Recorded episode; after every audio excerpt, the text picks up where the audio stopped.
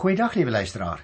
Dit is my 'n voorreg om weer met jou te mag gesels en vandag jou waarlik waar is ons by die laaste hoofstuk van die boek Handelinge. Dit is Handelinge 28 en dit begin met Paulus wat op die eiland Malta aankom.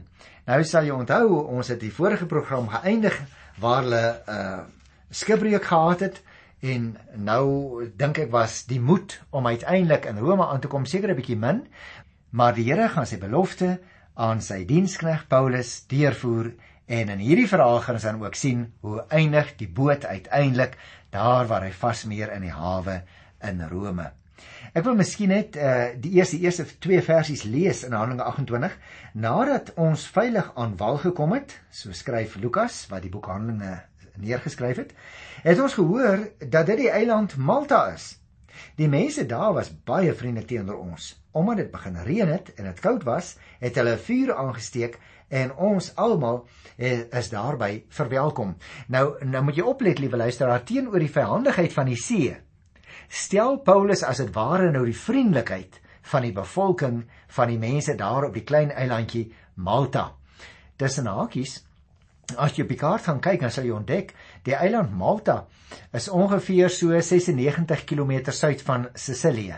En daar was goeie hawens op die eiland in daardie tyd en daarom was dit ook 'n baie gewilde handelsentrum. Vandag hou ouens graag daar vakansie. Maar nou ja, die uh, manne is deur week van die see, né? Kan jy die prentjie teken? Dis 'n koue winteroggend en dit reën ook nogal. Die inheemse bevolking ontvang hulle egter baie baie uh, uitsonderlik warm en hulle steek 'n groot vuur aan. Nou luister by vers 3 en lees vers 3 tot 6. Dis 'n baie interessante gebeurtenis wat hier gaan plaasvind hoor. Paulus het 'n klomp hout bymekaar gemaak en op die vuur gegooi. Van die hitte het daar 'n slang uitgekom en dit het aan sy hand vasgebyt. Toe die mense die slang in Paulus se hand sien hang, sê hulle vir mekaar: "Hierdie man moet beslis 'n moordenaar wees." Al is hy uit die see gered, wil die goddelike wraak hom nie laat lewe nie. Paulus het egter die slang in die vuur afgeskit en niks oorgekom nie. Hulle het gewag dat hy moet opswel of skielik dood neerslaan. Maar nadat hulle lang ruk gewag het, gesien het dat daar niks ongewoons met hom gebeur nie, het hulle van mening verander en gesê hy is 'n god. Nou 'n interessante verhaal hierdie, né? Want uh, Paulus word deur 'n slang gebyt waarvan die inheemse mense weet dat dit 'n dodelike slang is. Daaruit lei hulle dadelik af dat Paulus sekerlik 'n moordenaar moet wees, sê hulle vir mekaar agterlaand, né? Hulle het seker gehoor dat daar 'n gevangenes op die skip was, so hulle het gedink, "Ah, hy is seker een van die moordenaars." Dis waarskynlik die rede hoekom hulle uh, so gedink het, want daar was gevangenes op die boot en dat die wraak van die gode hom spesifiek agtervolg om hom in te haal al het hy nou aan die see ontkom. Hulle verwag dus dat hy sal sterf Maar toe gebeur dit nou nie. En nou maak hulle presies die teenoorgestelde afleiding.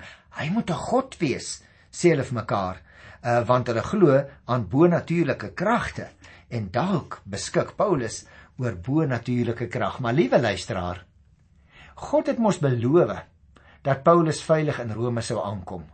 En hy het nie die see of 'n slang toegelaat om sy belofte in die wiele te ry nie.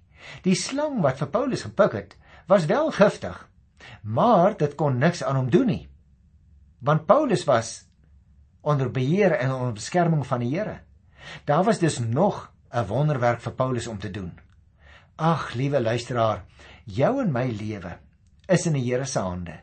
En daarom is dit nie omstandighede wat ons lewe bepaal nie. Ons is nie aan die lot oorgelewer nie. Hierdie ouens was nie oorgelewer aan die lot van skipbreek nie. Jy sien, die Here is die een wat uiteindelik alles bepaal. En daarom moet jy en ek ook nie moedeloos word. Dalk as jy vandag terwyl jy na die program luister baie moeilike omstandighede het, moenie moed verloor nie, liewe luisteraar, want jy en ek is geneig om teen die skipbreuk vas te kyk, teen die branders vas te kyk. Maar die Here is die een wat uiteindelik alles bepaal. Daarom moet ons nie in fatalisme verval asof daar geen beheer oor ons lewens is nie. Nee, nee, dit moet ons eerder die rustigheid dat ons in alle omstandigheid, in teëspoed, in siekte, in teleurstellings, moet dit ons positief stem omdat ons weet die Here sal ons nooit in die steek laat nie. En daarom die inwoners van hierdie eiland lei ons dadelik af Hulle was waarskynlik nie baie ver ontwikkel nie, hoewel hulle in 'n baie bekende en 'n hoogs ontwikkelde tyd geleef het. Hulle sit maar op 'n eiland daar op Malta. Vir hulle het die het die eh, ontwikkeling nog nie tot by hulle gekom nie, nê? En die feit dat Paulus niks oorgekom het nadat die giftige slang hom gepik het nie, het hulle nou dadelik laat glo dat hy 'n god moet wees. Jy kan gerus in Handelinge 14 daar van die 11de vers af weer gaan blaai want ons het dit behandel, daar was 'n soortgelyke situasie. Maar nou kom daar ook nog ontwikkeling in hierdie situasie. Ek lees by vers 7 tot by vers 10. Daar was 'n plaas in daardie omgewing wat aan die hoof van die eiland 'n man met die naam van Publius behoort het. Hy het ons vriendelik ontvang en ons 3 dae lank as sy gaste gehuisves. Publius se pa was in die bed, siek aan maagkoors. Paulus het na hom toe gegaan en nadat hy gebid het, het hy hom die hande opgelê en hom gesond gemaak. Na hierdie voorval het ook die ander siekes op die eiland na Paulus toe gekom en hy het hulle ook gesond gemaak. Hulle het ons met baie geskenke vereer en toe ons vertrek, het hulle ons van alles voorsien wat ons nodig gehad het. Nou is dit nou nie 'n wonderlike gebeurtenis wat sommer hier so tussendeur op Paulus se reis na Rome toe nie plaasvind. Publius lees ons, hy was of die hoof van die Romeinse regering van die eiland of die leier van die inheemse bevolking. Dis nie vir ons baie duidelik nie. Ons skryf wel sy naam, maar presies sy rol word nie uitgespel nie. Nietemin Hy nooi nou vir Paulus en sy metgeselle uit om 3 dae by hom te kom bly. Dit tussen hakies luisteraars is die normale tyd wat 'n mens in daardie tyd uh van iemand se gasvryheid gebruik mag gemaak het. Publius se vader ly nou aan maagkoors, sê ons gedeelte en Paulus genees hom ook. Die eiland word ryklik beloon vir hulle gasvryheid. Baie siekes staan daar word genees. Hierdie mense is so bly oor alles wat hulle gesien het dat ons in die Bybel lees, hulle het ons van alles voorsien wat ons nodig gehad het. Dit gaan dus oor uh lewensmiddels. Nou kom ons by 'n interessante tussenspel nog 'n keer in vers 11 tot by vers 15 van Malta af Rome toe. En nou luister dit is my asof ek wil sê kom ons laat nou vinniger vinniger musiek speel want nou begin Paulus sy bestemming nader. Ek gaan dit eers lees. Na 3 maande het ons vertrek met die Dioscuri, 'n uh, Alexandrynse skip wat daar oorwinter het. Ons het in Saracusa gekom en 3 dae daar oorgebly. Daarvandaan het ons verder gevaar en in Rhegium gekom. Die volgende dag het daar 'n suidewind begin waai en na 2 dae was ons in Puteoli. Daar het ons gelowiges teëgekom wat ons uitgenooi het om 7 dae by hulle te bly en so is ons na Rome toe. Die gelowiges daar het van ons gehoor en party van hulle het ons by die Appiusmark kom ontmoet. 'n Party by die drie herberge. Toe Paulus hulle sien, het hy God gedank en moed geskep. Nou ek wil hieroor 'n bietjie met jou gesels, liewe luisteraar. Want ter wille van die winterstormreëns op die Middellandse See, moes die seevaart ten minste 3 maande lank onderbreek word. Dit was waarskynlik Februarie sou ek sê, min of meer as ek net mense nou aan die seisoene dink, toe die geselskap uiteindelik vertrek. Die laaste deel van die reis verloop baie vinnig, veral tussen Regium en Puteoli, as gevolg van 'n baie gunstige wind wat die seile natuurlik bol seil kon druk. Puteoli tussen hakies was een van die belangrikste hawens van Rome. Aangesien daar baie mense deur die dorp gereis het en daar ook heelwat Jode gewoon het, is dit te verstaane dat daar al 'n gemeente tot stand gekom het. Die Romeinse offisier wat vir Paulus na Rome toe neem, is baie toegeeflik en hy laat Paulus selfs toe om 'n week by die gelowiges te bly. Na Rome toe was dit 5 dae te voet. Van die gelowiges van Rome stap Paulus nou tegemoet. Hulle het al die boodskap gekry, hy het geland. Party lê 'n reis van 2 dae af na die Appiusmark en ander 'n reis van 1 en 'n halwe dag na die drie herberge.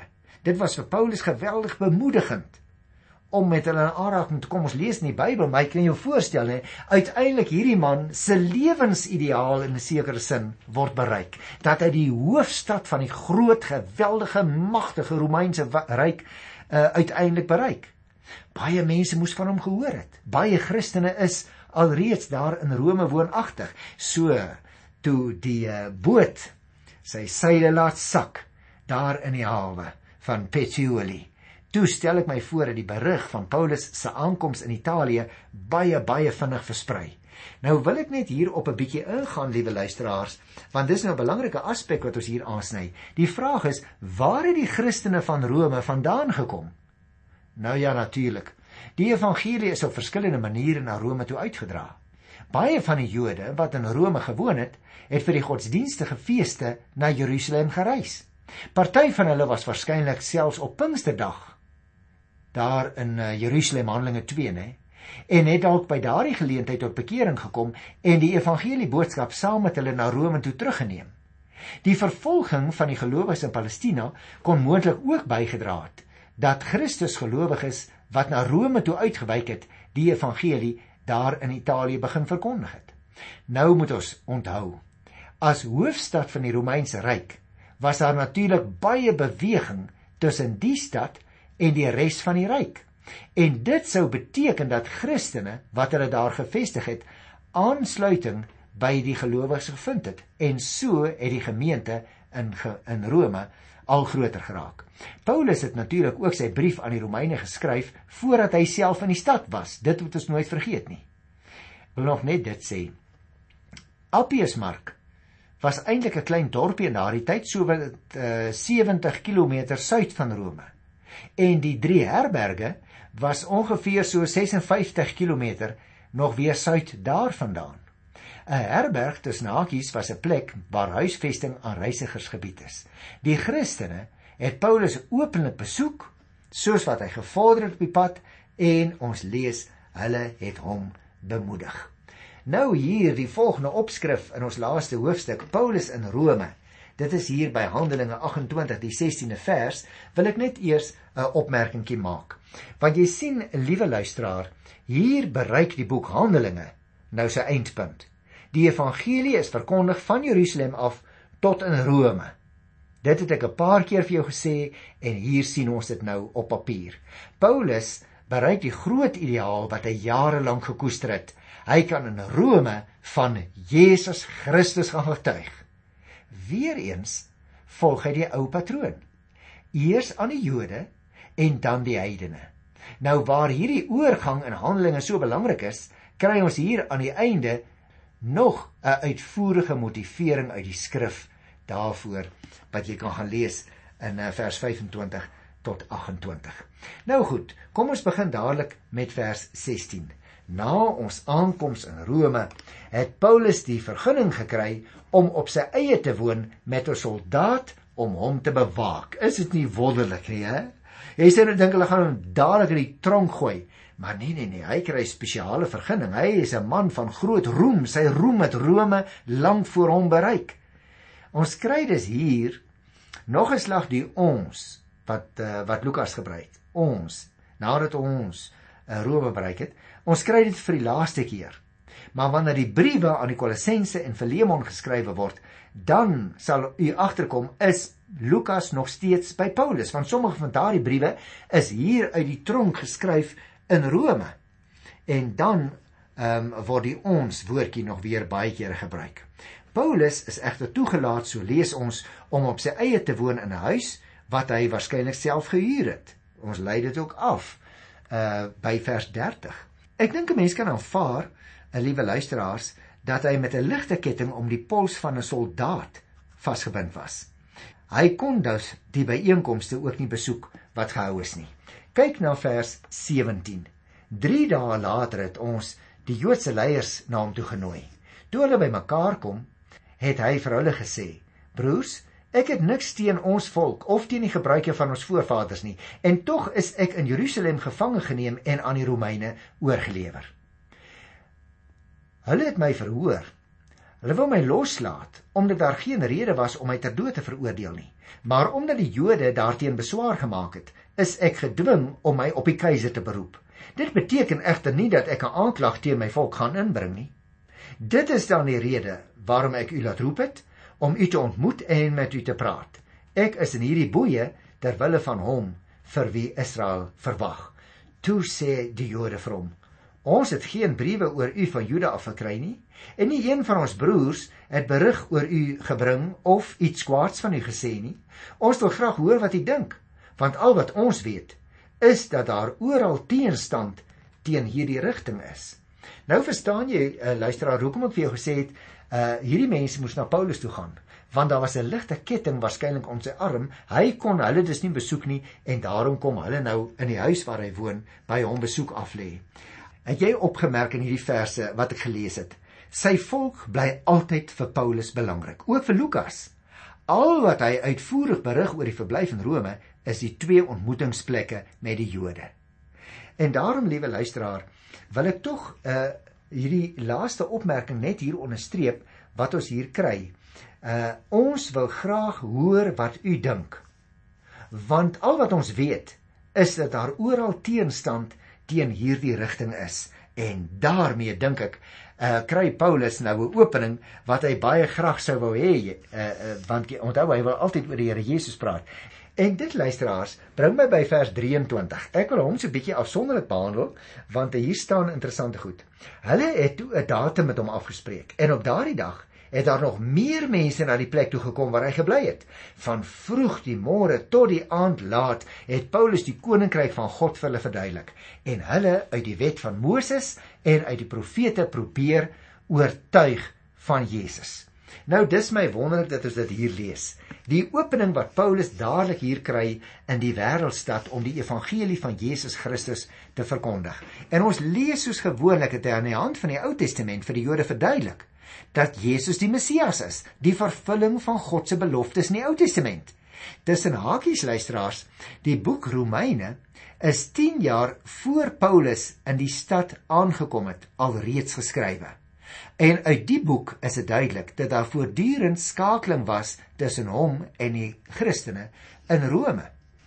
Uit vers 23 dink ek moet ons ook dit vir mekaar sê. Die Jode, het jy opgemerk, belê 'n tweede byeenkoms die volgende dag waar Paulus kans kry om die evangelie uitvoerig uiteen te sit en hulle uit die skrif te, te probeer oortuig dat Jesus die Messias is wat hulle verwag. Luister na vers 24. Deur sy uiteensetting het daar party oortuig geraak, maar ander wou nie glo nie. Dis die tipiese ou patroon, wil ek vir jou sê luisteraar. Jy weet mos nou al, Paulus het dieselfde ding gedoen. Elke keer met die Jode begin praat, partykeer was daar 'n paar wat oortuig geraak het wat die evangelie aangeneem het, maar gewoonlik was daar 'n klomp wat dit nie wou glo nie. Klaar blyklik, het jy opgemerk, het die meeste hier in hierdie geval nie geglo nie. Sodat die resultaat van die lang gesprek van 'n hele dag met die Jode vir Paulus seker baie onbevredigend moes gewees het. Maar luister nou na vers 25 tot by vers 27. Hulle was dit nie met mekaar eens nie en het weggegaan. Maar Paulus het nog eers dit vir hulle gesê en luister nou mooi. Hoe waar is dit tog wat die Heilige Gees by monde van die profeet Jesaja vir vir julle voorvaders gesê het? Hy het gesê: "Gaan na hierdie volk toe, sê vir hulle: Julle sal hoor en hoor en tog nie verstaan nie, en kyk en kyk en tog niks sien nie. Hierdie volk se verstand is afgestomp. Hulle het hulle ore toegedruk en hulle oë toegemaak, sodat hulle nie met hulle oë kon sien en met hulle ore kon hoor en met hulle verstand kon verstaan en hulle bekeer en ek hulle gesond maak nie. Nou dit is natuurlik nou 'n aanhaling wat Paulus hier maak uit Jesaja 6 vers 9 en by tot by vers 10. Maar ek moet 'n bietjie daaroor praat voordat ons uh, tyd nou uitgeloop het, liewe luisteraar, want Paulus bestraf die ongelowiges met 'n lang aanhaling uit Jesaja en hy verduidelik daardeur vir hulle waarom hy hom voortaan tot die heidene ook in Rome gaan wend. En hierdie aanhaling luisteraars uit Jesaja 6 vers 19 het die Here Jesus ook gebruik. Onthou jy dit? Toe die Jode nie wou geglo het nie. Gaan kyk gerus in Matteus 13 vers 13 tot 15 presies hierdie selfde aanhaling teenoor die Jode deur die Here Jesus toe hulle nie wou glo nie. Die bedoeling van die aanhaling is dat dit so vreemd is dat Israel nie in hulle eie Messias glo nie.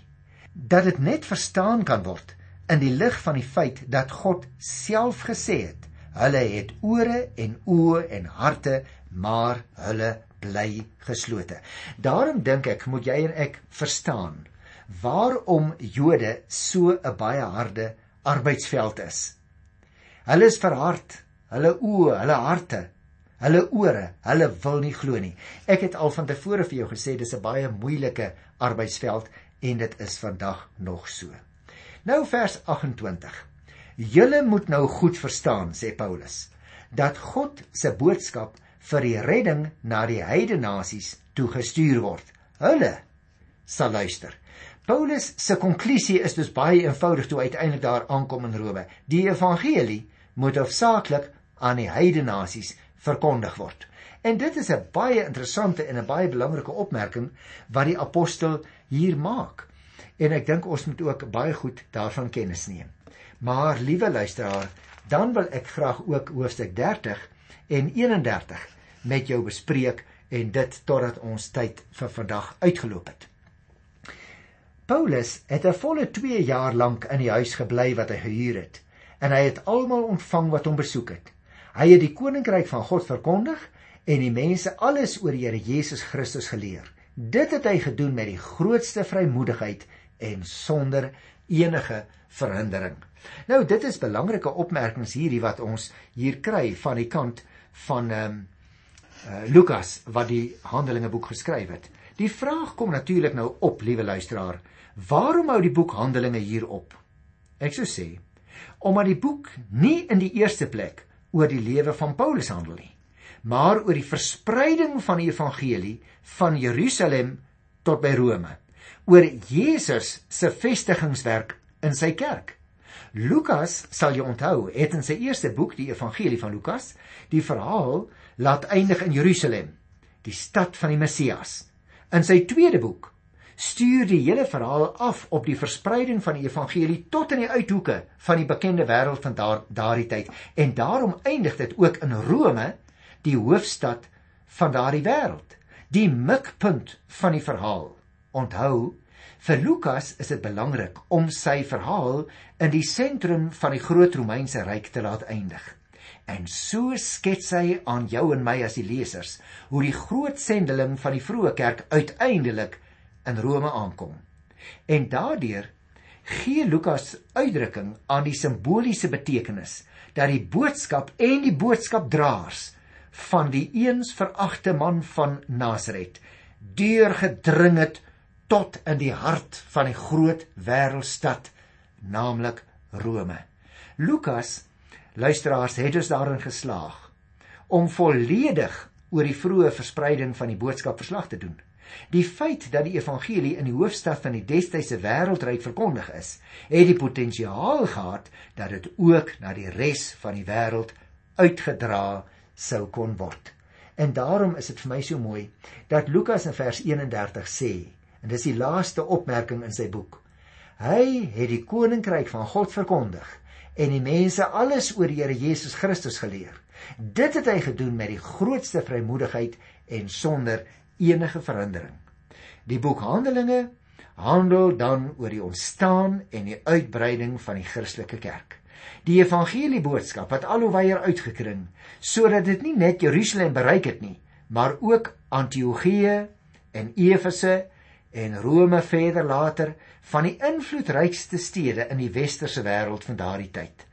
Handelinge het ons dus vertel van die voortgang af van Jerusalem tot Rome, maar Lukas kan nie anders nie. Dis asof hy brand in sy hart om hierdie slotopmerking te maak.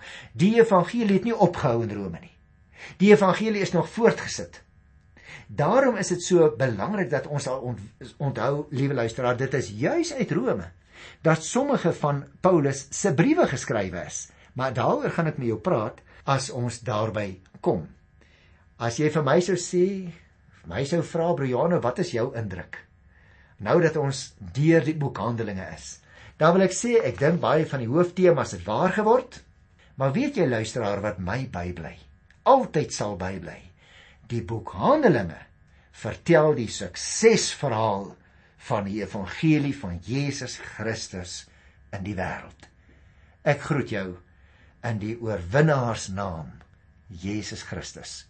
Tot volgende keer. Tot dan. Totsiens.